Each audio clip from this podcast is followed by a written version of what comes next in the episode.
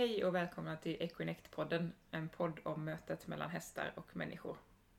Jag heter Susanna och det är jag som driver Equinect och idag har jag min kompis och eh, kollega Mm. Anna Hjelmroth med mig som gäst. Hej Anna! Mm, hej.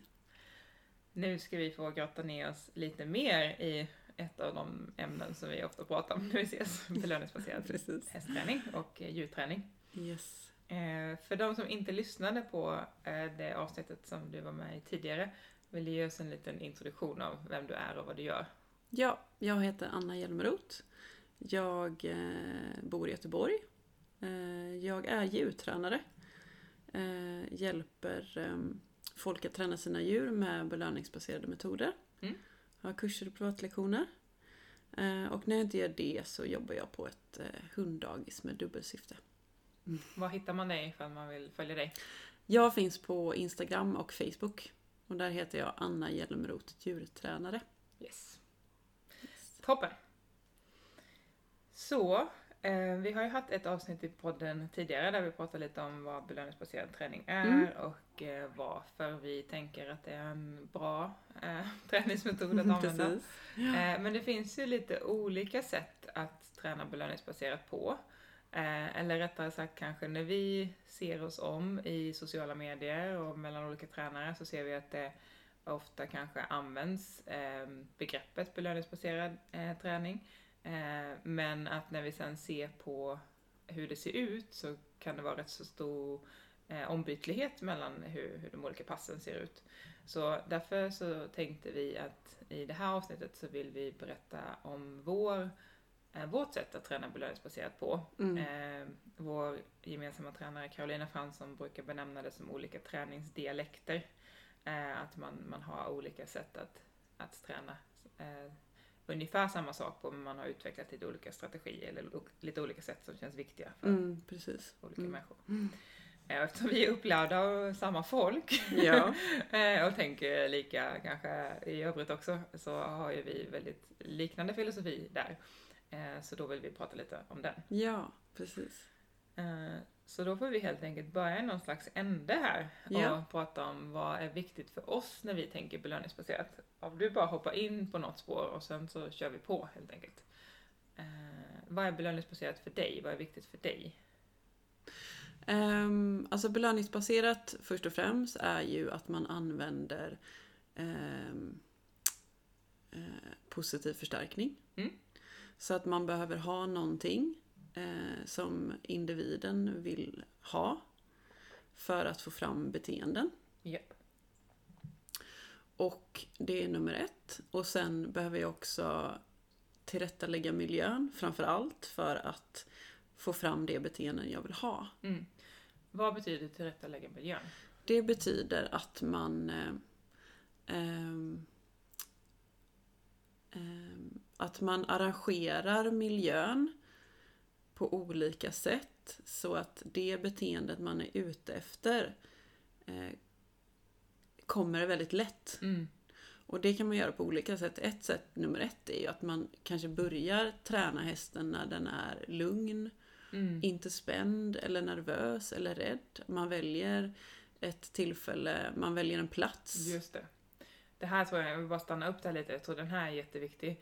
Att det är ganska många, eh, vi tar hästar, du tränar ju många djurslag, men vi tar Mm. hästar eftersom Mm. den här podden främst riktar sig till det. Yes. Ganska många hästar vi träffar, tror jag, både två, som sätts i en miljö, till exempel ett ridhus eller en ridbana, eh, själv, där den egentligen inte alls är trygg. Mm. Och då har vi helt plötsligt en häst som behöver vara ganska vaken och alert och känner att den behöver eh, ha ett öga mot sin omgivning för att den inte ska bli uppäten av en tiger som eventuellt finns i, i eh, buskarna.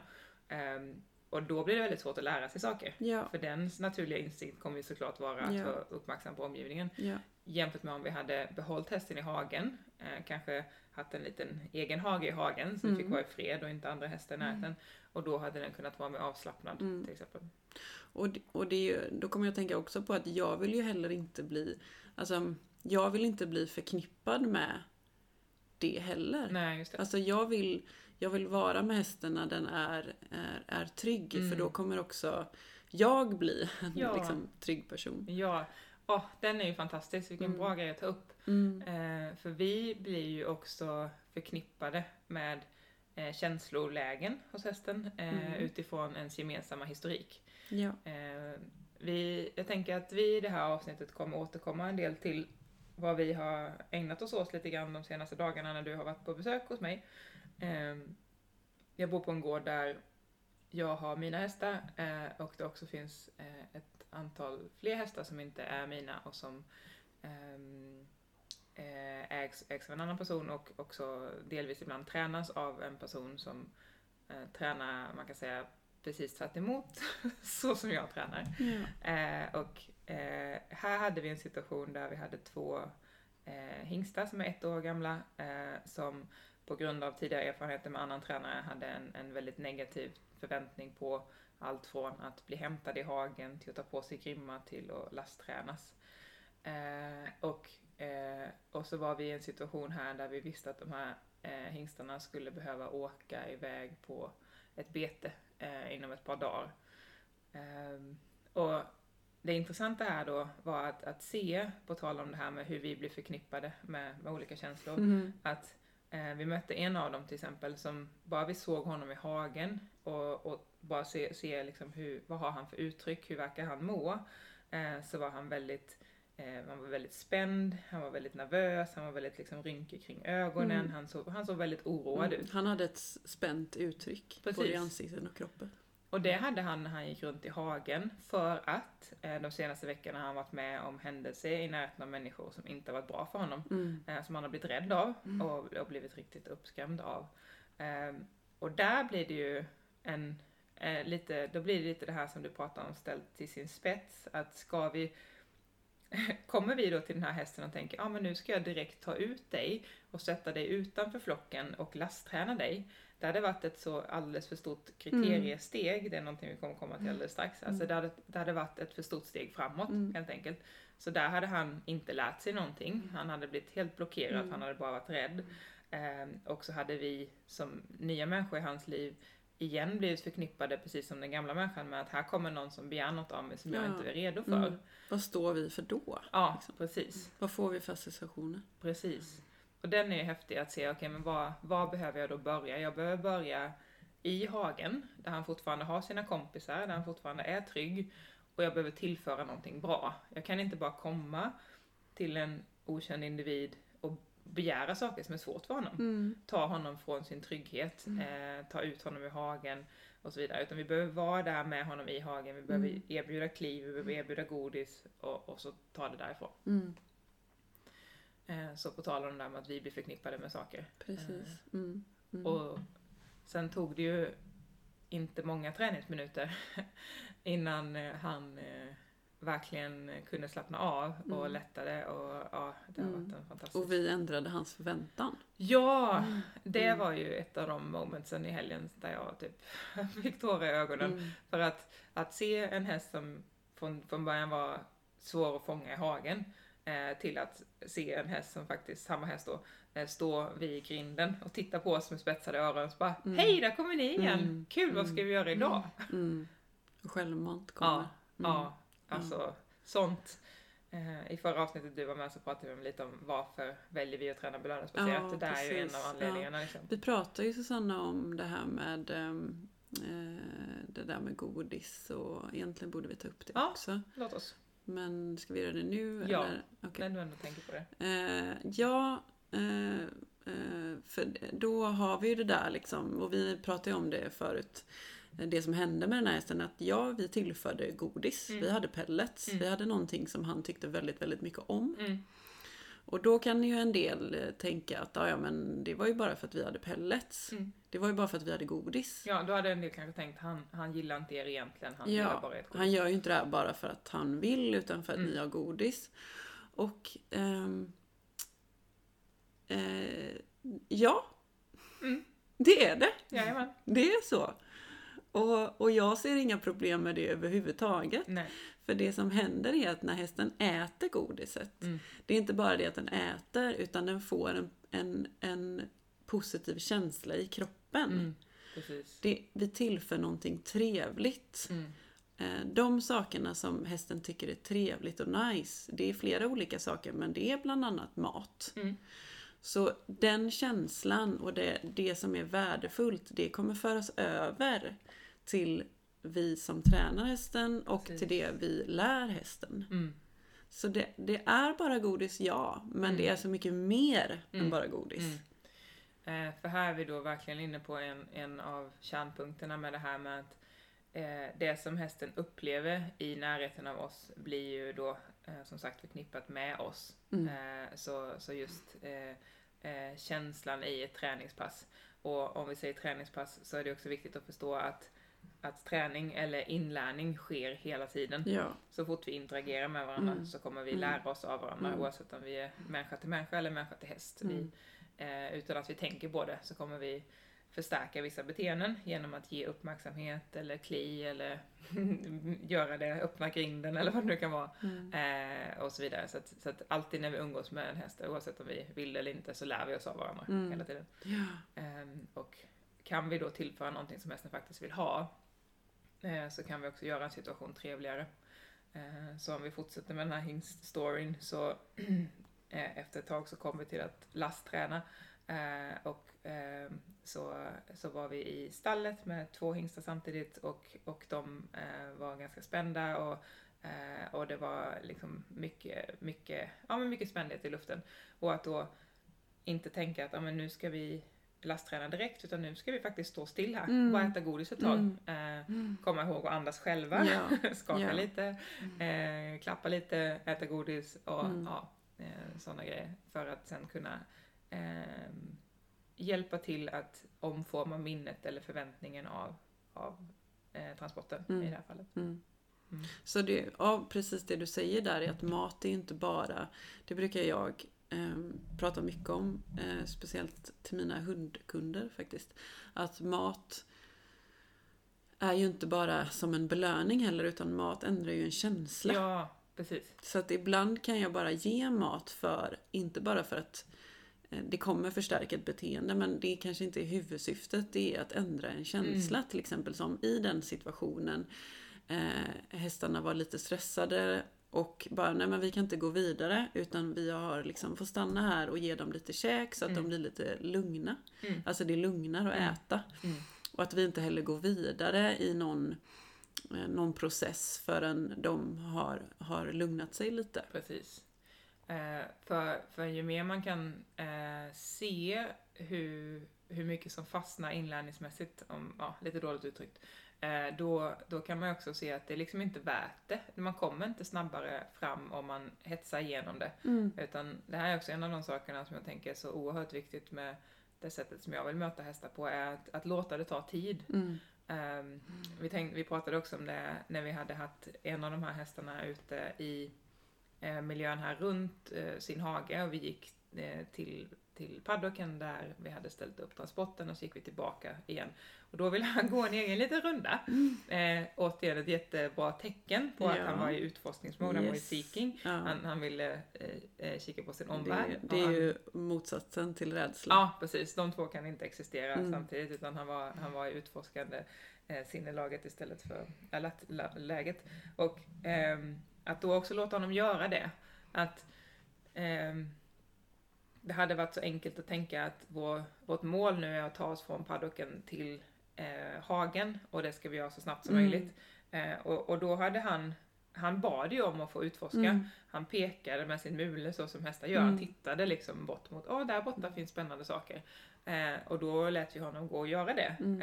Eh, och och han, han var jättenöjd och han, han eh, verkade också kunna liksom bli tryggare av att han Mm. fick titta på sin omgivning. Eh, så eh, ja, Så om, om det är målet, att, att eh, vi eh, fokuserar egentligen först och främst på djurets känslor mm, också. precis, Att, precis.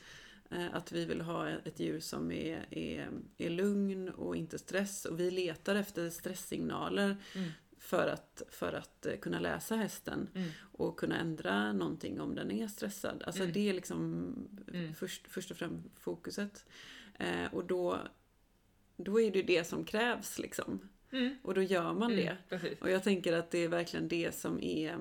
vi pratade om, om eh, vad belöningsbaserat är för oss. Mm. Att det är liksom det som är i fokus. Mm, precis, hästens upplevelse och känsla ja, är fokus. det går över allt Ja, annat. verkligen. Och det går hela tiden över planen, över vad vi ska åstadkomma, Mm. över allt det där. Mm. Eh, så, så Och det var ju verkligen tydligt denna, Mm. i denna processen med, med eh, träningen. Vi hade en tidspress, Mm. hade vi. Mm. Eh, så att, och den var inte någonting vi tyckte om, men vi Nej. behövde finna oss i den. Ja. Eh, men vi gjorde det bästa vi kunde. Mm. Och, och, och att också så att eh, varje moment gjorde vi så, så, så bra som möjligt. Mm. Och det gick ju faktiskt väldigt fort. Ja, ja, För att vi liksom, de fick aldrig en bitter smak i Nej, munnen nej. efter träningspassen. Det var alltid, var, efter varje, varje ny träningspass så hade vi mer och mer hästar som, unghästar som vill, ville vara delaktiga. Mm. Mm. Och då tänker man liksom på setupen när, när eh, den ena unghästen som jag inte träffat innan, Mm. som tyvärr har varit med om riktigt tråkiga grejer Mm. i försök tidigare och lastträna. Då börjar ju jag bara att mata Ja, honom. precis. Alltså för det- där sätter vi ribban. Ja, för där var ju också intressant för vi tänkte ju eh, att, eh, ja, men att eh, ja, men nu kan vi bara gå in och träna honom, hade jag tänkt. För Mm. jag tänkte att ja, men det här är nog inte, det här, eh, ja men jag tänkte att han, han följde med mig och jag trodde inte Mm. vi hade så mycket relation så jag trodde inte han hade så mycket historik för mig så jag trodde Mm. inte det spelade så stor roll. Men där märkte vi också en, en stor skillnad av att det kom in en helt ny person, Mm. det vill säga du. Mm. Och då blev han spändare, så bara oj, oj då. Och då fick vi ändra planen. Ja, och då var det så här, men då vill vi bara att han ska få en förväntan på att du är en trevlig människa. Hur blir du en trevlig människa? Mm. Jo, genom att tillföra trevliga saker. Ja. I det här fallet. Eller- mata. Ja, precis. Hur lätt som helst. Eh, och det där tycker jag är så skönt och det är någonting jag upplever är centralt i belöningsbaserad träning överlag just att, att hästens upplevelse står mer i Mm. fokus än, Mm. än människans önskan och prestation Mm. om vi tänker mer den traditionella träningen. Mm. Så det är Mm. så himla skönt att, att fokus har skiftat och, och fokus också blir eh, mer och mer, i alla fall i de kretsar jag rör mig i, så det här kanske inte stämmer överlag, men det jag väljer att läsa på Facebook och Instagram är ju mycket om att faktiskt se hästen som, som en individ som, som har Mm. eh, rätt till sin kropp, som har Mm. rätt till bestämmande över, över sin, sin situation och sin omgivning. Mm. Eh, Mm.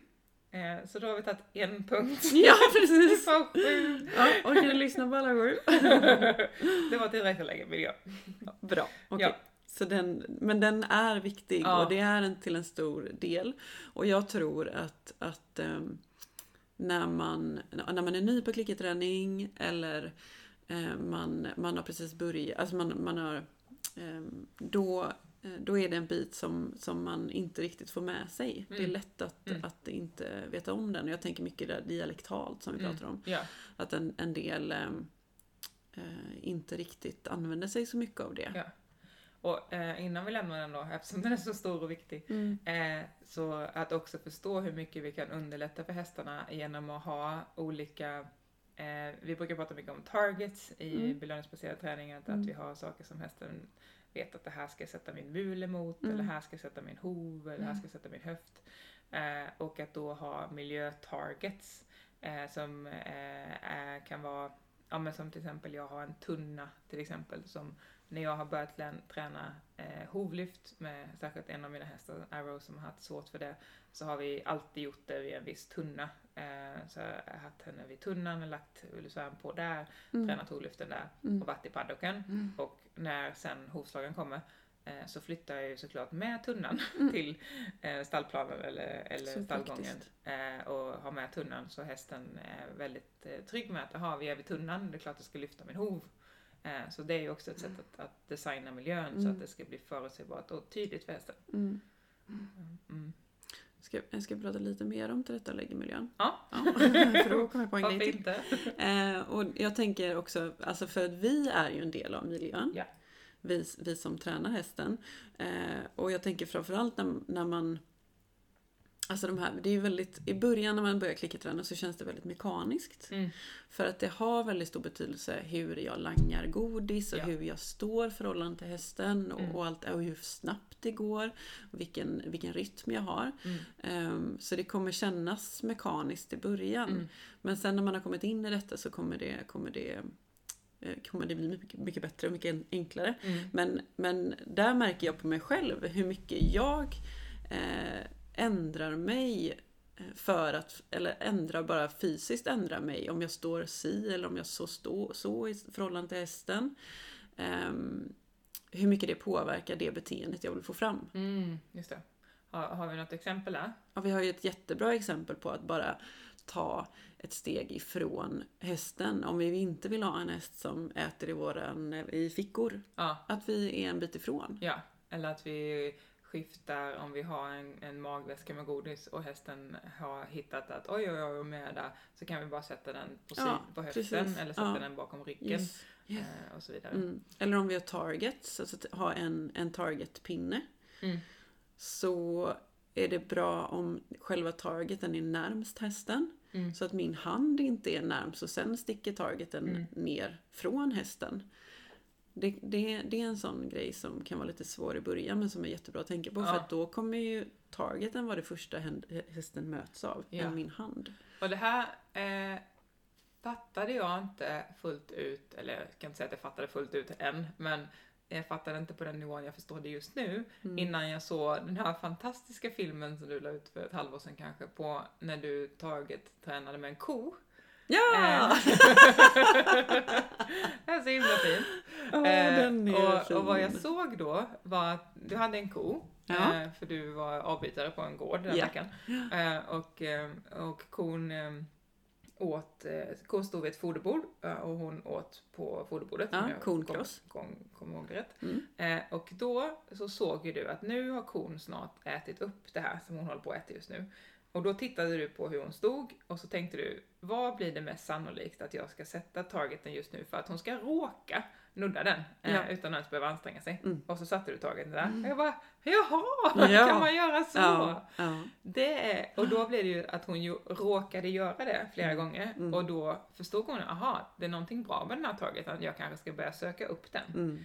Eh, och på tal om det du precis sa då om att om vi har, som, som många av oss har när vi börjar träna med target, vi tar ett, ett gammalt spö eller någon, någon hård pinne, vi sätter en boll på, på änden eller någonting annat som blir tydligt att här, här eh, vill vi ska sätta eh, din nos. Eh, att då inte råka hålla längst ut på det där spöet bara för vi är vana vid det sen, sen för, vår, för vår historik. Mm. Eh, utan att vi kanske håller bara 10 cm in på det där spöet ifall nu hästen är nära så att den, den råkar ha nosen i närheten och göra det flera gånger tills hästen blir Mm. eh, eh, uppmärksam på att aha, just det, det är här Mm. jag ska ha nosen. Mm.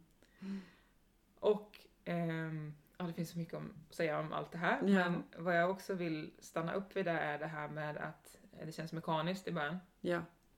Eh, också en av grejerna som har varit jättesvårt för mig eh, eftersom just det här inkännandet av hästen är så väldigt viktigt för mig.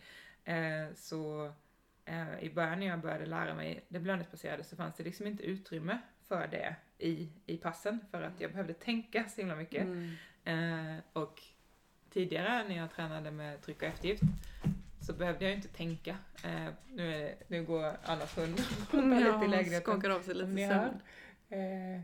Så, så du vet, bakgrundsljudet. Eh, han, han ville byta soffa bara. Ja. Eh, och, och då ehm, så, så störde det mig lite grann att men jag kan inte vara helt närvarande här. Jag kan inte både tänka på vad ska jag göra med klickehanden och vad ska jag göra med godishanden Mm. eh, och samtidigt känna in hästen. Ja. Eh, och eh, vad jag vill säga kring det är att ehm, dels så blir det bättre med tiden Mm. och dels så för det oss osökt vidare till nästa grej i vår träningsdialekt, vilket är paus. Mm. Eh, att eh, vad behöver vi göra för att ge oss själva och hästen en paus och, och känna in till exempel eller göra om planen. Mm. Så vill du berätta lite om paus? Mm. Om eh, själva pausen? Ja, och varför det är viktigt. Ehm, alltså paus, eh, paus är ju liksom inte ett, ett vakuum bara. Utan en paus är ju också en... Det behöver liksom vara ett beteende för hästen. Och speciellt alltså när man... ehm, dels eh, är det här också dialektalt hur vi lägger upp själva träningspass. Ja. Och i ett träningspass bör en paus alltid vara med. Mm, varför då? För att dels att vi inte kan träna hela tiden. Mm. Vi skulle bli helt kokta gärna. Ja, och hästarna också. Ja. Eh, så vi behöver liksom eh, avgränsa när träningen börjar och slutar. Mm. Eh, och det är ju för att vi vill ehm, få ehm, så tydlig liksom, träningspass som möjligt för hästen. Alltså vi vill, vi vill ehm, göra det så enkelt som möjligt för att hästen ska, ska lära sig saker. Mm. Eh, och då vill vi liksom inte få, få eh, vi vill kunna avsluta ett pass eh, med paus Mm. på ett, ett schysst och smidigt sätt. Mm. Så att hästen vet att det, den inte behöver bjuda på mer beteenden. Det är egentligen det det Mm. handlar om. Att hästen vet att när du säger bjuda på beteenden så, så betyder det att Alltså, eller rättare sagt när du säger att hästen inte behöver bjuda på beteenden så betyder det att hästen vet att nu kan jag bara relaxa, jag kan göra Ja. någonting annat, jag Ja. behöver inte fundera Göra på vad, din- vad människan vill just Ja, nu. precis. Ja, Mm. Den kan göra sin grej, mm. hur den nu vill göra det. Ehm, så därför be- behöver vi ha, och vi behöver ha en paus. Vi behöver också ha en paus som, som betyder för hästen att, för träningspasset innebär ju att vi har förstärkare, alltså belöningar som hästen vill ha, Mm. eh, som den har tillgång till.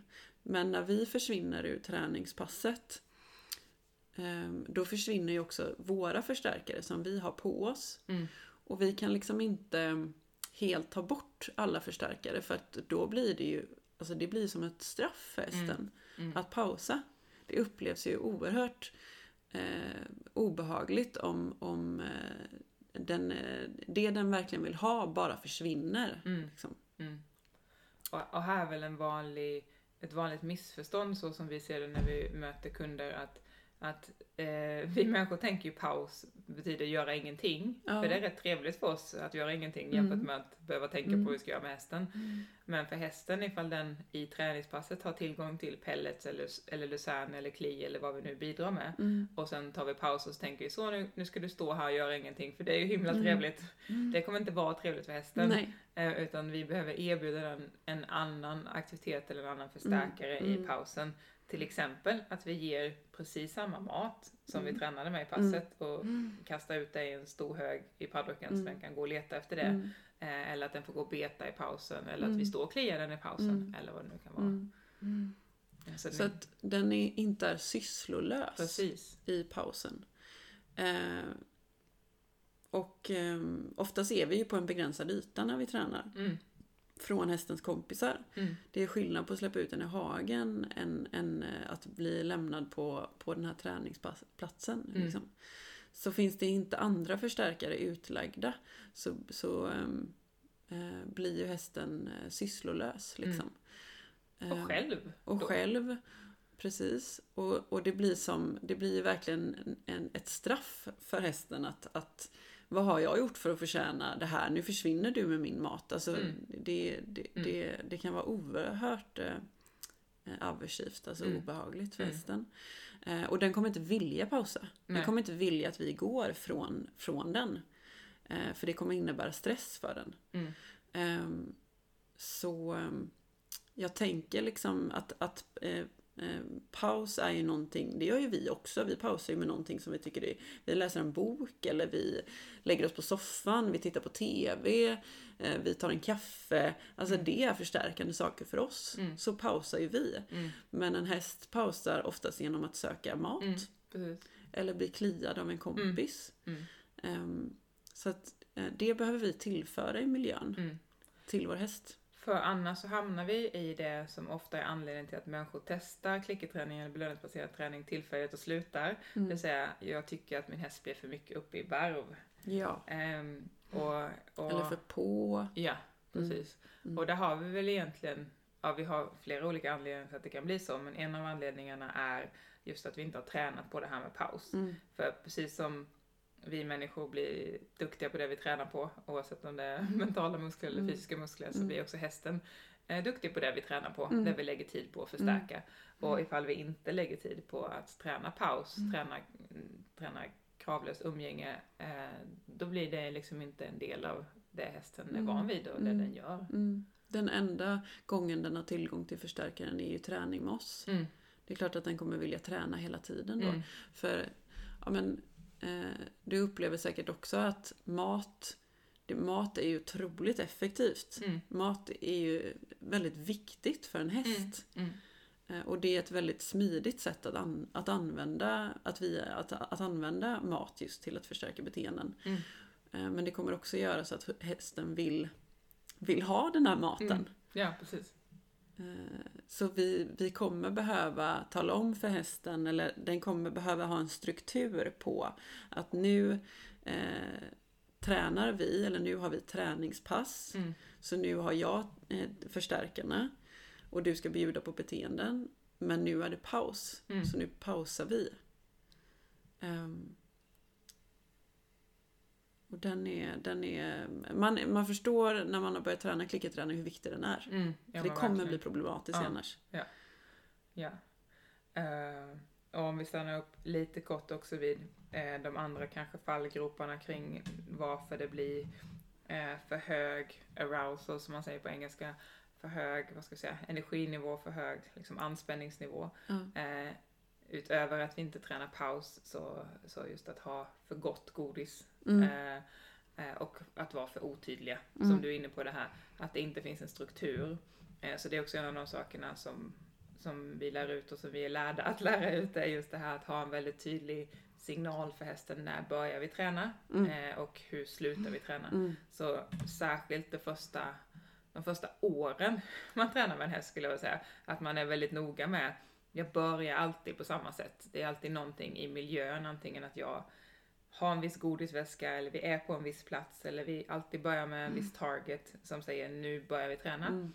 Och alltid en viss signal som säger nu slutar vi träna, till Mm. exempel en hög med godis på marken. Mm. Så, eh, så att det blir Mm. Det Eh, blir tydligt för mm. hästen. för det, det sista vi vill är ju att ha en häst som, som så fort den ser en människa tänker Åh, nu ska jag göra den här grejen för då kanske jag får en godis. Mm. Eh, så eh, så den, den vill vi liksom komma ifrån. Mm. Ehm, och när vi ändå är inne på det, om vi tänker, det här tror jag är våra bådas träningsdialekt, men, men som ligger mig väldigt varmt på hjärtat i alla fall, är just det här på tal om hur god belöning vi har eller hur, hur god, gott godis vi har. Eh, eftersom det som kanske fick mig att hålla mig ifrån belöningsbaserat ett tag innan jag förstod mer om det eller lärde mig mer var ju just att jag inte ville manipulera. Ja. Eh, att jag inte Mm. ville eh, ändra hästens... Eh, ja men jag tänkte så här, men om inte hästen vill så vill jag inte... Jag vill inte övertyga den, jag vill inte lura den. Mm. Liksom. Eh, och, och sen har jag ju förstått när jag har lärt mig mer att, att vi, vi manipulerar varandra hela tiden.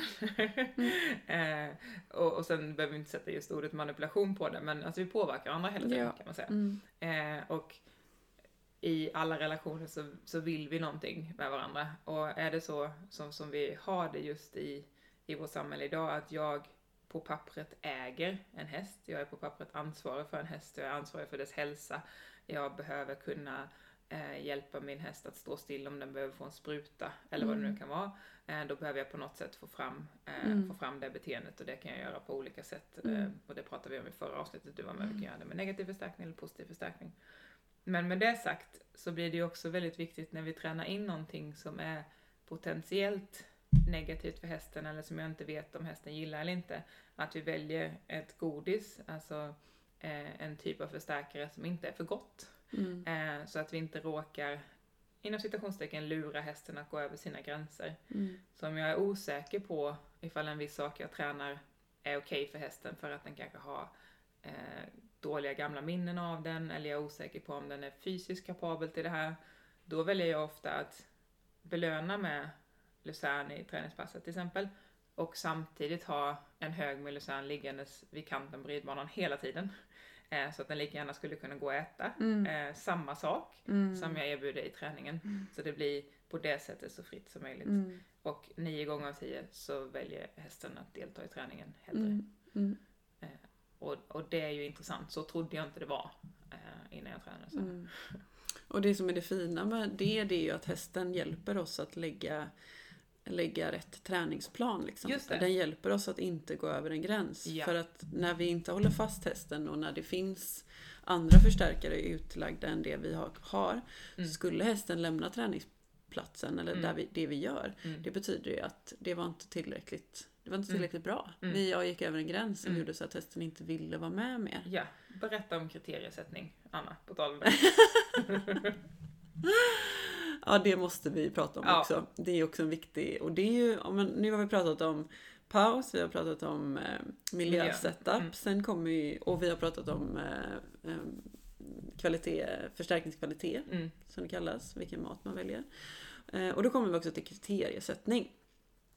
Som är eh, jätteviktig när man tränar klickerträning. Och kriteriesättning handlar egentligen om att man bryter ner ett beteende i små steg. I små, små delar. Mm. För hästen vet ju inte egentligen vad det är för beteende som vi är ute efter. Mm. Så att vi behöver bryta ner beteendet i små steg och belöna alla de här små stegen. Så att till slut vi får fram det här beteendet. Jag brukar säga det till de som är eh, inte så vana att eh, man kan tänka som att ja, men, är, det, är det varmt eller eh, bränns det eller är det kallt? Mm, just det. Så när det Kommer jag är, närmare eller jag är- Ja, jag bort ifrån? precis. Mm. Och jag vill ju att det ska vara... Eh, jag är väldigt mån om att, att det ska vara en trevlig träning Mm. för hästen. Mm. Det ska vara en trevlig upplevelse. Så att jag vill att den ska kunna göra rätt många gånger. Mm. Därför vill jag bryta ner beteendet många, många steg. Vilket Mm. betyder att jag får många saker att belöna. Mm. Får jag. För tar det lång tid, råkar hästen vara för långt på kallt. Mm. Det kommer skapa frustration. Mm. För den får inte tillgång till förstärkarna. Mm. Och det blir som ett straff. Mm. Så jag vill, vill eh, vara noga med att lägga en kriteriesättning så att hästen eh, blir belönad många gånger. Mm. Så att vi går små steg fram till rätt, rätt beteende som jag tänker från början. Får jag hoppa in där? Det får du gärna. Eh, så det finns några saker som dyker upp i mig. Jag ska se om jag kan hålla alla de här trådarna i skallen. Mm. Antagligen inte, men du får komma tillbaka fler gånger. Ja. Fler samtal. Eh, så en fördel med att göra många omgångar av det som vi vill göra är ju att när vi sen, eh, eller så här, eh, för en tid sedan så började jag träna mina hästar inför vaccinationer. Mm. Eh, med att de själva fick vara med dels starta proceduren och, eh, och också förbereda dem inför att det skulle komma någon och sticka en nål i halsen på dem. Eh, och då hade jag dels eh, två av mina hästar, varav den ena var rätt okomplicerad och den andra eh, blir jätteaggressiv när man sticker henne. Och sen hade jag en av de här unghingstarna som var jättespruträdd och dessutom helt ohanterad.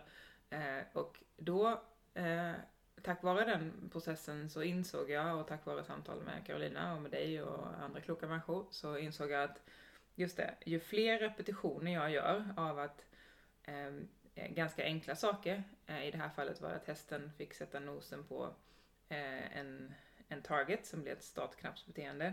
Eh, och det startade att jag gjorde någonting på dess hals och då började jag med enkla saker som att stryka den över halsen till att så småningom eh, nypa lite och liksom förbereda.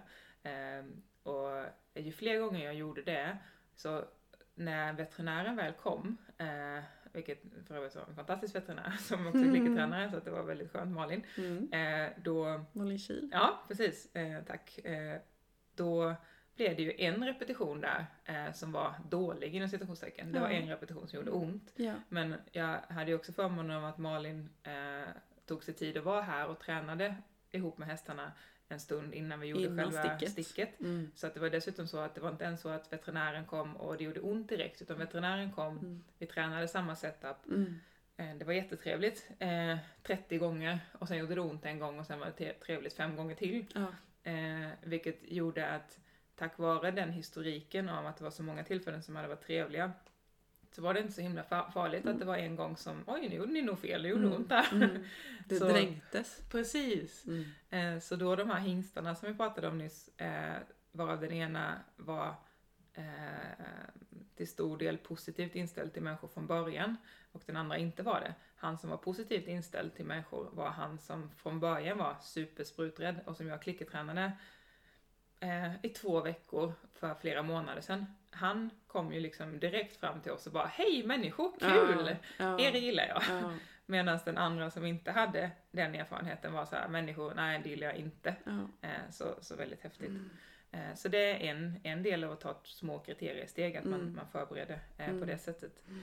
och det andra är ju att, som jag vill berätta om är att jag har ju inte fattat den här grejen förrän relativt nyligen ändå, eftersom jag vill ju gärna fuska. jag hade ju gärna velat att det hade gått Mm, Man vill gärna gå genvägar fram. Ja, Ja. det hade varit jätteskönt. Ehm, så jag, det här har ju såklart att göra också med mina krav på mig själv. Mm. Att ju mer jag vill att jag ska kunna göra saker snabbt eller få resultat snabbt, eh, desto mer råkar jag ju lägga över det på träningen med mina hästar såklart. Eh, och då blir det ju lätt att jag tänker att äh, de förstår nog, vi, vi, kan, vi, kan göra, vi kan göra det svårare nu. Eh, vad jag har förstått nu äntligen är att det tar så sjukt mycket längre tid om jag gör så, om jag tar för stora steg. Eh, och eh, det blir sämre stämning. Eh, Mm. det, det blir liksom, det blir otydligare eh, Ja. för hästen. Nu, nu har alla världens leende på läpparna. för er som inte ser. Åh, äntligen har du fattat Susanna, vad skönt. Bara, där. oh God, thank God.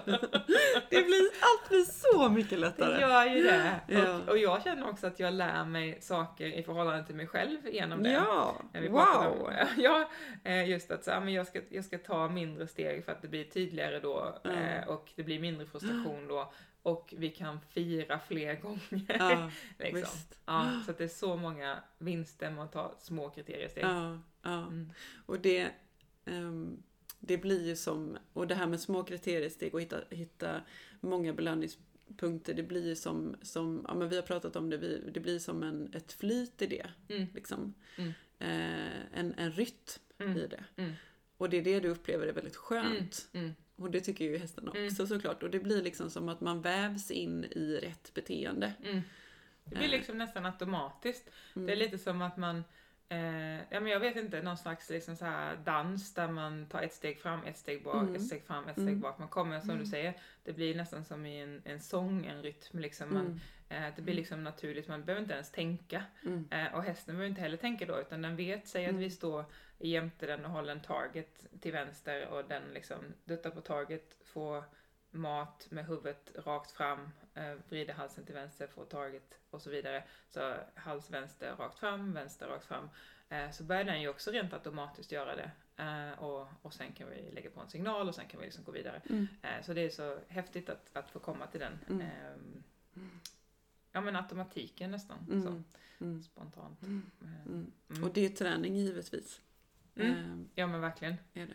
Men, Eh, men ehm, och, och stå ut i det då och lita på att det faktiskt blir, ehm, blir, blir bra av att bryta ner det Mm. mycket. mm, Och sen finns det andra tricks där som att ehm, eh, inte hela tiden göra det svårare. Vi pratar mycket om det här med Mm. pingponga kriterier. Mm. Att vi Mm. ibland blir lite svårare, sen blir det lite enklare och så Mm. vidare. Mm. Det kommer vi ju bland annat prata om i våra kommande kurser. ja, det kommer, vi kommer grotta ner oss i det. Ja, Mm. så eh, håll utkik för dem efter dem ifall ni vill lära er mer av, av det här. Det kommer Mm. vi komma på våra kanaler. Okej, Mm. eh, så det var det med kriteriesättningen. Eh, vad har vi med i våra träningsdialekter? Eh, ja, men vi har ju liksom pratat lite om det i, i, i det, allt vi har pratat om egentligen. Mm.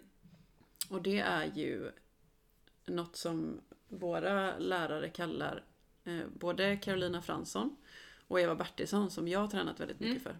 Som tränar alla djur, häst också, men, men alla slags djur.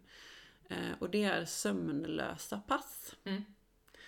Och det, om vi pratar om dialekter så är det verkligen en dialekt. Eh, För det finns ju olika, olika liksom, eh, ja, dialekter som jag sagt, olika liksom, metoder i situationstecken inom klicker, klickervärlden. Mm. Eh, Och det är en väldig sådan grej. Mm. Vad betyder det? Och sömnlösa pass betyder alltså att ehm, det är ett flyt mellan det som vi har pratat om, paus, Mm. att man lätt går till paus. Från paus startar vi ett träningspass.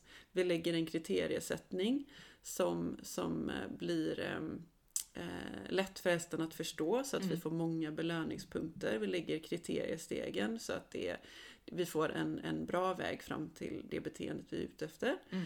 Och vi går tillbaka till, till paus Mm. lika lätt. Mm. Så det upplevs så, ja men det upplevs väldigt eh, tillfredsställande och lätt för hästen. Jag tror Mm. det vi skulle kunna översätta det så. Mm. Ja men det låter rimligt, Ja. absolut. Ehm, Och jag upplever att, att ehm, det blir, det, och där har vi ett fokus på att, att eh, få så lite frustration som möjligt. Mm, mm. Ehm, och och det, det tror jag eh, kan, kan vara någonting som vi fokuserar på olika mycket i olika dialekter. Mm, mm, precis.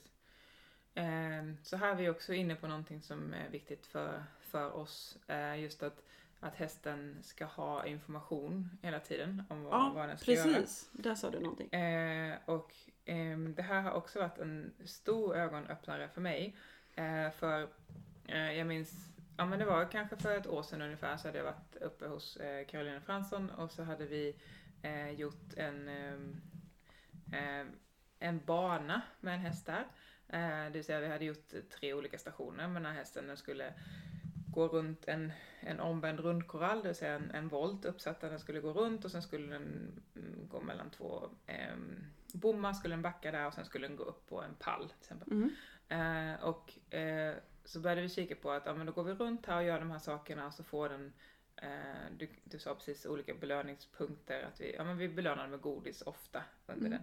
Ehm, och, och sen så började vi fundera på om alla de här eh, olika aktiviteterna vi gjorde med hästen är inlärda med eh, positiv förstärkning eh, så blir också de olika signalerna som vi ger hästen också förstärkande. Det blir också en Mm. åh, härlig känsla i det, för det är så här, Mm. det här kommer leda till någonting bra.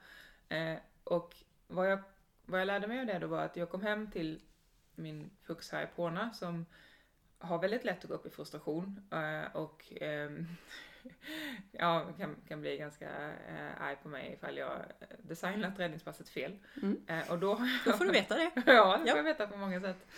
Och då har jag tolkat det som att jag måste vara, väl, tidigare tolkade jag det som att jag måste vara väldigt snabb med att ge henne godis ofta, för annars blir hon missnöjd. Mm. Men vad jag insåg då, när jag började laborera med en bana för henne Mm. var att hon var ju väldigt van vid targets, nose targets. Eh, och när jag gick runt den här banan som vi började sätta upp hemma i ridbanan så testade jag först att, gå den här banan och eh, vid alla tillfällen strax innan jag upplevde att hon var på väg att bli frustrerad så, eh, så gav jag henne godis. Eh, och eh, sen testade jag samma bana igen och istället för att ge godis så visade jag targeten och visade så här, men du, jag tänker att vi ska gå här. Eh, och det sjukt häftiga med det var att jag upplevde att hon var precis lika nöjd med att få targeten eh, i den situationen Mm. som att få godiset. Mm. För det var inte godiset som hon blev frustrerad över ifall det uteblev, Ja. det var informationen. Ja, Eh, så just att inse att, just det, jag, jag behöver, jag som människa går runt här och tror att det här är jättetydligt. Mm. Men det är ju inte det Nej. för hästen. Eh, så jag behöver på något sätt vara tydligare och då kan hon vara lugn och ah, jag ska bara gå här, jag ska ha Mm. nosen på här targeten, Mm. gött liksom. Mm. Så det var liksom inte godiset det handlade om där, Mm. det var tydligheten. Mm. Det var så här, ah! Mm. Ja, Så stort. ja. För vad- vad händer i den där informationslösa Ja, känslan hos Precis. hästen? precis. Ja, jätteintressant. Ja. Ehm, och ja, ehm, precis. Ska vi gå in på den kanske minerade fältet här då med utsläckning? ja. Eh, så, nu, så nu ska vi sticka ut huvudet lite här, tänker jag. Mm. Eh, ehm, olika dialekter kommer ju ehm, hantera, ja men om vi börjar i ämnen ämnen, i temat av förstärkningsfrekvens. Eh, så du och jag är eh, tydliga med att vi vill förstärka ofta, Mm. eller vi vill också ge information Ge ofta. information ofta. Så Eh, skulle man ju kunna Ja, översätta precis. det. Mm. Eh, så, så ofta vill du berätta för hästen, jajamän, eh, nu, nu Mm. gör vi det som jag hade i plan här. Ja, För rätt, att, du är på rätt väg. precis. För om vi gör det så minskar vi risken att hästen blir frustrerad. Mm. Eh, och det finns någonting som heter... Och det som, och det som händer är ju att, att när vi inte gör det så blir hästen informationslös. Mm. Alltså den vet inte hur den ska få tillgång till förstärkaren. Precis. Det är det som händer. Ja. Det blir otydligt att vi håller på allt det här goda Mm. och den har ingen aning om hur den ska få tag på det. Det, det är det som är nackdelen med att lämna hästen informationslös. För vad som händer då är att de test, hästen börjar testa massa saker. Ja.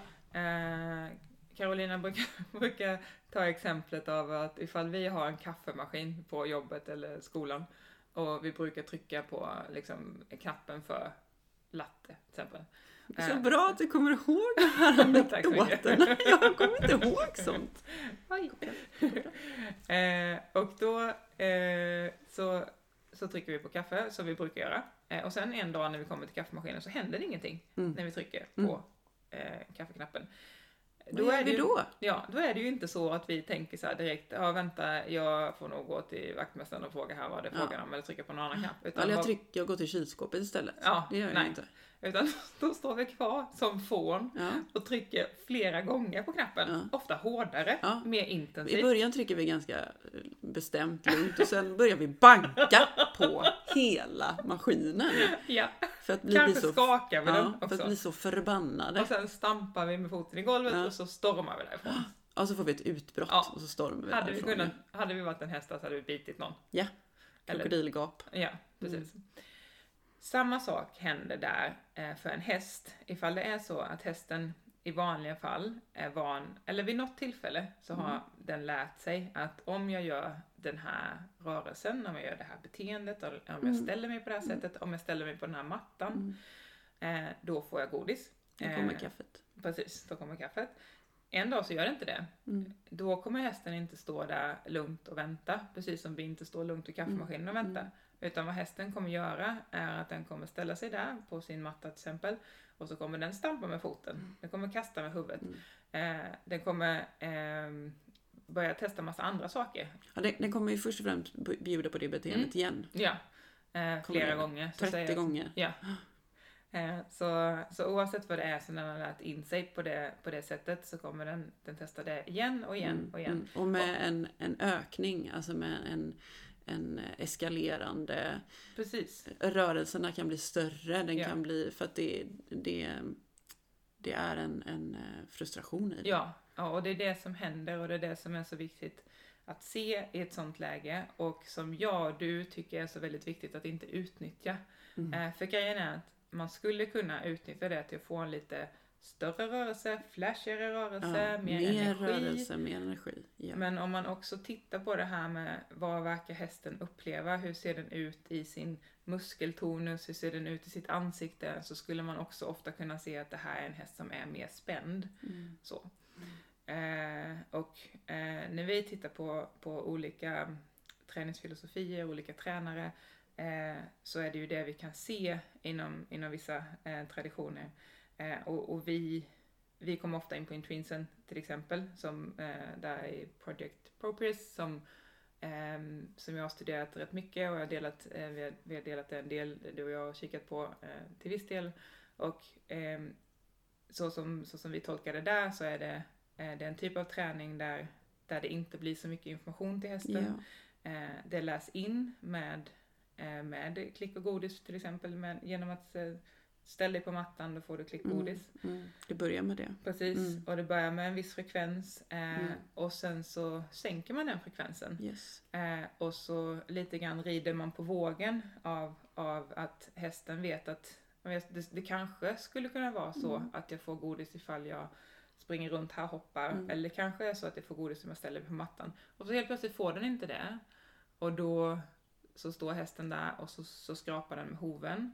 Och då kommer vi in på nästa sak som blir lite svårt, som vi var inne på lite i förra avsnittet, av att, eh, förra avsnittet du var med, av att sätta etiketter på beteende. Mm. Eh, av att till exempel eh, instruktören där säger att ja, titta vad motiverad den här hästen är. Mm. Att bara, hmm, Mm. är han motiverad eller är Mm. han frustrerad? Mm. Försöker han bara testa och trycka på kaffemaskinen? Mm. Om Mm. om Bankar han på kaffemaskinen bara? precis. Mm. Eh, Mm. och, Är det en bra känsla? ja, precis. Och, och tillbaka till vad, vad blir hästens upplevelse i det här Ja. träningspasset?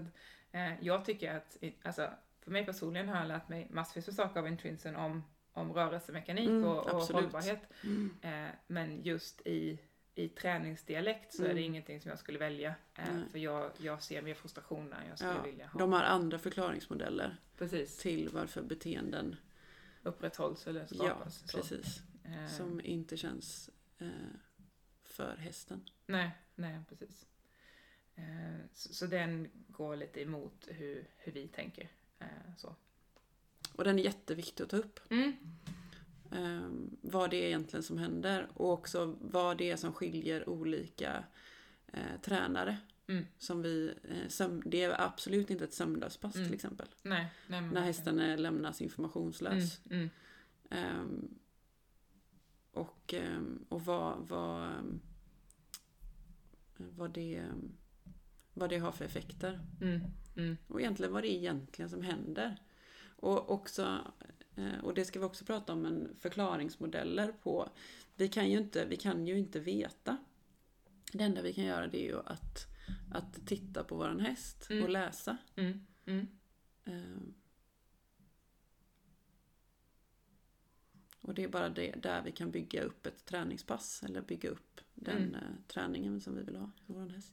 Eh, Och det som blir lite lurigt med det, tänker jag, är att ehm, för, för att det, alltså vi kanske kommer leta efter olika saker. Det är väl det som blir lite lurigt. Exakt. För letar Mm. vi efter en häst som är väldigt explosiv, en häst som är väldigt eh, alert, eh, då kommer vi kanske vilja ha en Mm. högre arousal-nivå i passet. Vi kommer vilja att den är på mer Mm. adrenalin eller vad det nu är som krävs för att den ska vara där. Eh, och, och, och där blir det ju, ja men där blir vi ju lite grann de galna vetenskapsmännen som kan forma vår omgivning. För vi, Ja. vi har jättemycket makt här. Mm. Eh, alltså positiv förstärkning är ett fantastiskt effektivt inlärningsverktyg. Ja. Eh, och vi, vi kan eh, genom att eh, förstärka vissa beteenden och eh, ignorera andra beteenden eller försöka släcka ut andra beteenden forma en individ jättemycket. Mm. Eh, så det, det här jag tänker också, det blir så viktigt att, att se, när vi pratade lite här vid sidan om podden innan idag om, om avel och att olika hästar kanske har en viss genetisk eh, eh, fallenhet för vissa saker. Mm. Eh, och, att, och att lyssna på den Mm. eh, och verkligen försöka vara lyhörda för. Och jag är ju också inne mycket på det utifrån ju kommunikationsbiten, att vara, vara, också vara, vara intresserad av vad, vad, vad verkar det som att den här individen gillar, vad har den för personlighet, vad, Mm. vad blir den glad av? Mm. Vad förstärks den? Ja, precis. Eh, så att man har Mm. med det i Mm. bilden Mm. också. Mm. Jag vet inte om vi ska nämna det också som vi pratade om förut här innan vi började spela in. Eh, Det här med att ehm, hur ett beteende upprätthålls. Ja, kör. Och vi pratade ju lite där om att rida på den här utsläckningsnivån, eller Vågen. utsläckningsvågen menar jag. Mm. Ehm, och vi pratade lite om um, intrinsen just, och inte bara intrinsen med andra också, ehm, att, att den här inre motivationen eh, förstärker beteenden. Mm.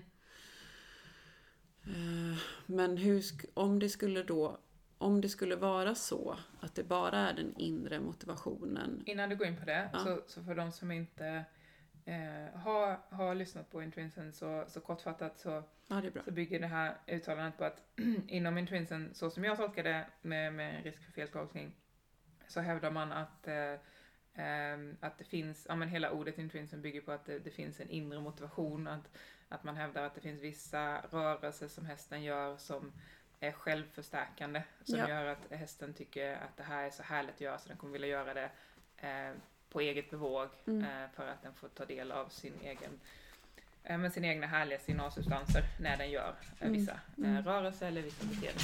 Nu har vi en lite hund, hundljud här, hoppas ni är okej med det. Eh, mm. Ja. Och för det första så ehm, om, om det är så att eh, beteendet upprätthålls eh, från den intrinsiska känslan, alltså att utföra det här beteendet, Mm. eh, då behöver vi inte göra någonting mer Mm. eftersom det ska vara självförstärkande. Mm. Men vad du och jag sett så fortsätter ju de här tränarna att ge eh, belöning, Mm. morot eller vad det är. Mm. Eh, fast i väldigt, väldigt eh, eh, Oregelbu- oregelbundet. Mm. Eh, så om, om den här utsläckningsvågen ska fungera så behöver det ju till slut komma en, en, en eh, förstärkning. Ja, eh, rättare sagt det du säger nu är ju att om, om, om vi ska kunna rida på det eh, om vi behöver reda på det så är det ju för att beteendet inte är självförstärkande. Ja, Hade det varit självförstärkande hade vi aldrig behövt. Vi behöver kanske lära in det för att visa det här jag är ute efter och sen så kommer jag säga, ja det här är jättekul, det vill jag alltid göra själv. Mm. Och det är inte det vi ser. Mm. Eh, för vi ser ju klickgodis lite då och då Mm. eh, när vi tittar på det. Men hade det varit så att det varit helt självförstärkande, Mm. då hade inte moroten behövts överhuvudtaget. Nej. Då hade vi tagit bort den helt. Ja.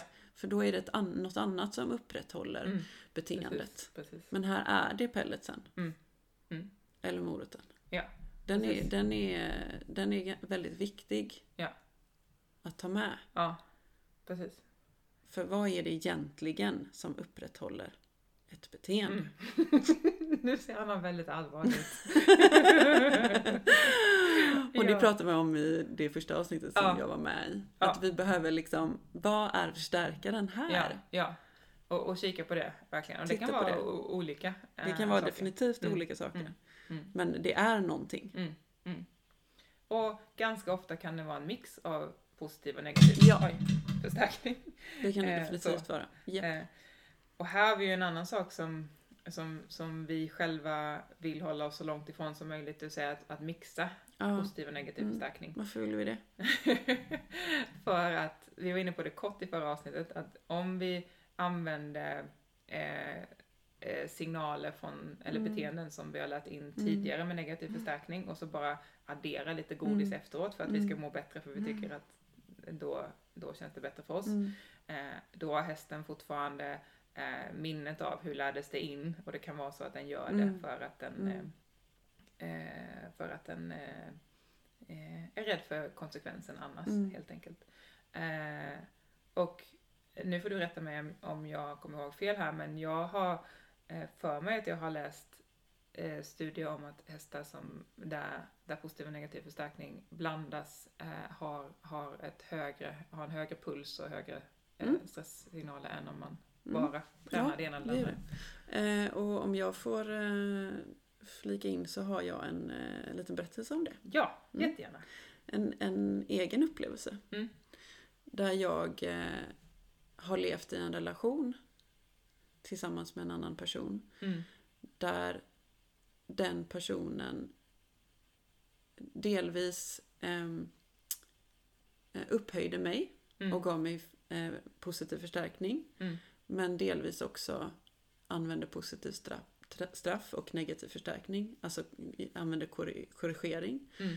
Och de kom väldigt random. Och Mm. det som fick mig att förstå sen i efterhand var ju att jag faktiskt upplevt samma sak. Mm. Precis som en, en häst som har, har båda. För vi vet inte, ibland blir vi upp, eh, liksom får vi Får vi positiva känslor av den här personen, alltså trevliga känslor av den här personen och Mm. vi blir upphöjda och vi blir förstärkta positivt. Mm. Och ibland så bara helt Mm. utan förklaring så Mm. får vi eh, blir vi negativt förstärkta och vi blir, får, får otrevliga saker mot oss. Och där blir det en, det blir en liten stress i det för vi vet aldrig när vi ska få det ena eller andra. Och på ett sätt då hade det då varit lättare om vi bara blir dåligt behandlade. Ja. Då slipper vi få upp hoppet, vi slipper slappna av. Ja, precis. vi kan ha uppe vår guard då som vi kanske behöver ha, eller vad det nu kan vara. Exakt. Och det fick mig att tänka att precis, ja, så är det säkert för, för hästar också som Mm. man mixar med. Om vi Mm. håller kvar det här eh, negativ förstärkning och positiv straff och belönar ibland. Mm. Liksom. Mm. Det, kom, det kommer eh, inte bli helt bra. Mm. Mm. Ja men fint, tack för att du delar. Eh, jag nämnde i mitt, det första poddavsnittet här så nämnde jag att en av de stora anledningarna till att jag började träna belöningsbaserat var att jag såg, ehm, vad ska jag säga, besvikelsen, om jag tolkar det rätt, i, eller oförs, alltså eh, förvirringen i Golden Eyes ögon. Ehm, Din näst. Ja, precis. Eh, när jag ehm, nyligen hade köpt honom, fortfarande tränade horsemanship, hade stunder där vi hade jättemycket ehm, mjuk, trevlig samvaro, vi mediterade tillsammans, vi bara hade det fantastiskt tillsammans. Och sen hade vi stunder där jag bad honom springa runt på en volt om han inte gjorde det så fick han eh, en Mm. eh, lina kastad efter sig Mm. eh, eller spögrej kastad efter sig. Eh, och han, han kunde ju ibland stanna upp i en sån situation för att han, det funkade aldrig riktigt bra på honom. Han kunde ibland då stanna upp och bara titta på mig och så bara, vad hände nu? Ja. Alltså det var verkligen så här, det var innan jag eh, kanske kunde riktigt prata med djuren som jag kan nu, men det var verkligen så här, hela vägen in i hjärtat som bara liksom, han bara så vad, vad gör du nu? Varför gör du det här? Vad hände? Liksom. Och han, som den individ han är, han tog ju på sig det personligen. Han liksom, vad, vad gjorde jag för fel? Mm. Eh, och det liksom bara, åh, mitt hjärta liksom. För det var ju inte att han hade gjort något fel, det var bara att jag trodde att det var det enda sättet som jag kunde motionera honom eller vad det nu kunde vara. Mm, mm. Eller lära honom saker. Ja, precis. Eh, och om jag hoppar på det spåret där då så, så var det också en av de sakerna som gjorde kanske att jag eh, höll mig från eh, positiv förstärkning ett tag. Att jag trodde att eh, jag kommer inte kunna träna hästarnas kropp eh, med Mm. positiv förstärkning ifall de behöver det. Eh, jag kommer inte kunna eh, Ja, men jag kommer inte kunna longera om jag nu skulle behöva det. Jag kommer inte kunna rida ut om jag nu skulle behöva det. Eh, och så var det ju inte, Nej. såklart. Nej. Eh, och eh, jag trodde också, för att, för att jag är lite så här rakriktningsnörd och, och kroppsmedvetenhetsnörd, så tänkte jag att om jag vill liksom, till exempel inte lära in en lös öppna och att den ser ut på ett visst sätt, för jag kanske vill att den ska se ut på ett visst sätt ibland och på ett annat sätt ibland och hästen kanske behöver olika saker olika gånger. Mm. Och, och det har varit också så intressant eh, med Carolina Fransson och Angelica Heselius att, att lära sig att eh, okej, vi kan ha ett grundbeteende, vi kan Mm. lära hästen att vi går ungefär så här och sen så lär vi också in eh, targets som, är, som vi har, som de kallar det, dimmerfunktioner på. Mm. Så att jag kan, jag kan skruva lite på den här hjälpen. Eh, jag, kan, jag kan be om mer tvärning, jag kan be om mindre tvärning, jag kan be om eh, huvud där eller huvud där, jag kan be om bog där eller bog där. Jag kan be Mm. Du kan alltså få variation i beteendet. Precis, eh, så vi kan ha en, en omväxling där och, och det är så himla skönt att se att ja, men det där, eh, vi kan ha targets för olika ben, vi kan liksom ha så här, ja, men var, Mm. var ska jag sätta det här benet? Goldeneye gjorde ju en fantastisk eh, Ja. uppvisning sist du var här av att kunna så här, ja, men han hade targets, han hade satt bakbenen på varsin liten kon och sen så testade vi att jag la ut eh, konen för frambenen alltså. Ja. Satte då frambenen och den ena la jag lite dåligt till på tal om att jag ofta har en lite för hög kriteriesättning. Mm. Så jag satte den ena konen för långt bort och då tog han sitt framben och så sträckte han ut och så drog han med sin hov in targeten till lagom. Ja, Eh, eh, smart han. Ja, väldigt. Eh, och sen vid ett annat tillfälle när jag la den för långt bort så han verkligen inte kunde nå så, så tog han istället sin nos och satte på. För han nådde inte med Ah. hoven. Eh, så. Eh, så att just att kunna det här har varit en jättegrej för mig att, att istället för att jag utifrån gammalt tänk, utifrån negativ förstärkningstänk själv peta på olika kroppsdelar och säga du, eh, höften där, rumpan där, Just bla bla. Mm. Så är det istället han nu som får lista ut, vänta nu här, om jag nu ska sätta mitt bakben där, vad behöver jag använda för muskler då? Mm. Hur ska jag eh, positionera min kropp då? Mm. Eh, och Han det får lösa pusslet. Precis, Mm. och det har gett honom så mycket bättre kroppsuppfattning. Mm. Eh, och, och att han, ja, men han är så mycket mer hållbar i Mm. kroppen liksom. Det är jättehäftigt. Så, ja, Häftigt. viktig. Ja. Vad har vi mer om träningsdialekt som... Eh, eh, alltså jag har en grej till Ja. som jag tycker att du ska Du prata om. gärna. Okej, Eh, vadå? att vi inte... eh, Alltså nu kanske jag har fel uttryck här för jag är inte så duktig på det här. Men eh, jag vet inte om det kallas free shaping. Eh, men, men att vi...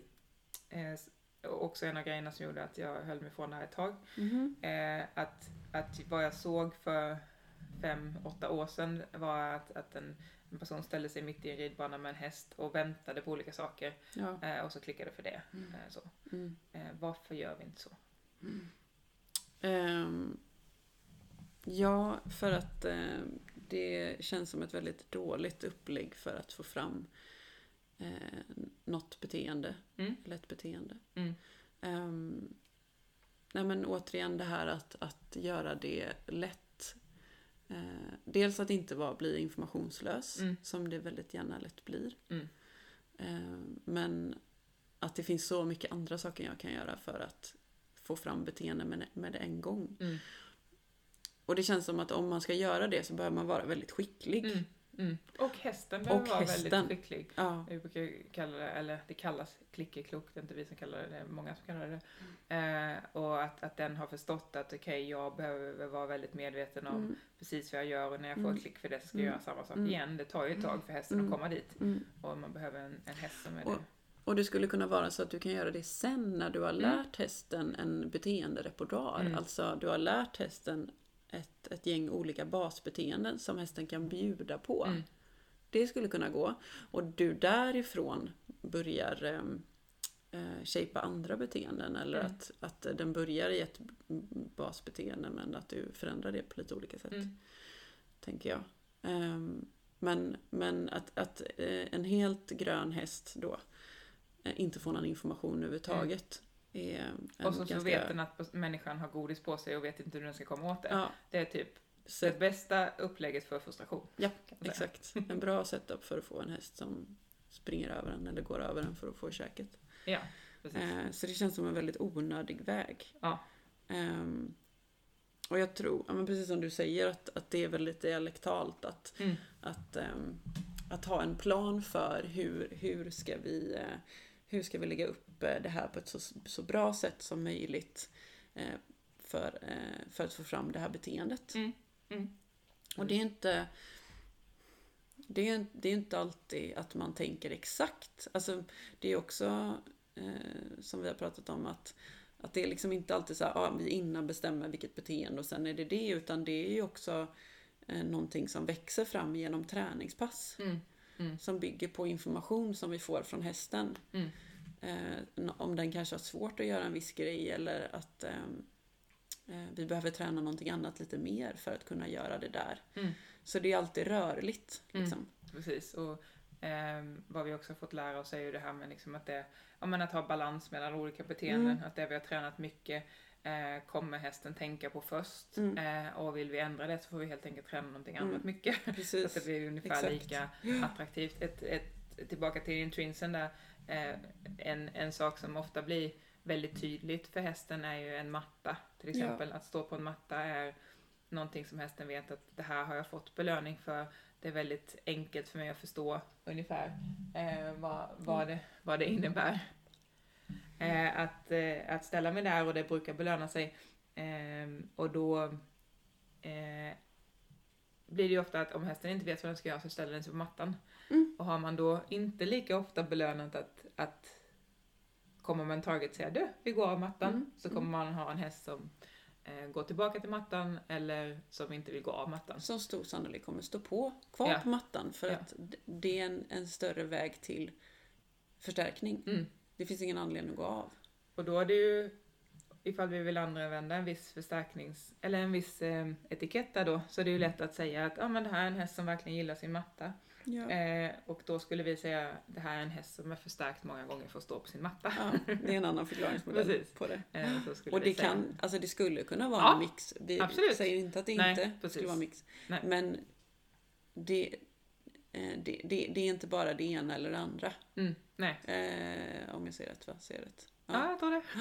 Ehm, så att det, det finns alltid en, en, det börjar ju med en förstärkningshistorik på Ja. mattan. Ja, absolut. Ja, och om target att gå från ligger Mm. lägre ner i byrålådan, Mm. då finns det ingen anledning för hästen att, att gå av. Nej, och testa något Varför annat. då? För, för om inte det historiskt sett har lönat sig lika mycket Ja. eh, så kommer Mm. vi inte testa det. Mm. Eller kommer ni inte testa det. Mm. Och det är därför vi vill ha en balans mellan beteenden. Mm. Mm. Så att ehm, vi, vi eh, har vissa beteenden högt upp i byrålådan så att vi kan använda oss av flera beteenden. Mm. Precis, absolut. Eh, lite sista grejer då kanske innan vi avrundar. Wrap it up! Nej men bara några korta saker som jag tänkte på som bara känns, känns viktigt att nämna när man tänker på just det här med belöningsbaserad träning Mm. är ju att eh, skillnaden mellan att eh, när vi tränar ne- med negativ förstärkning då får ju hästen sin förstärkare när den fortsätter med det den håller på med. Om vi säger så här, Mm. eh, hästen står still i stallgången. Eh, hästen börjar röra sig och då får den ett ryck i grimman och så Mm. står den still igen. Det betyder att varje gång den står still så är den i sin förstärkare, det vill säga då är den lämnad i fred. Mm. Det bästa en häst som tränas med tryck och eftergift vet om är när den får vara i fred. När vi inte gör någonting, Ja. för då får den Mm. inte ont, då får den inte obehag, då får den inte press. Mm. Liksom. Mm. Eh, så en häst som är tränad med negativ förstärkning har ofta ganska lätt att stå still Mm. eh, utifrån det att den vet att ja, men då blir jag lämnad i fred, det händer ingenting jobbigt Mm. då i alla fall. Mm. Den lär sig vara passiv. Precis. Eh, och den kan också tyvärr lära sig inlärd hjälplöshet och hela de grejerna.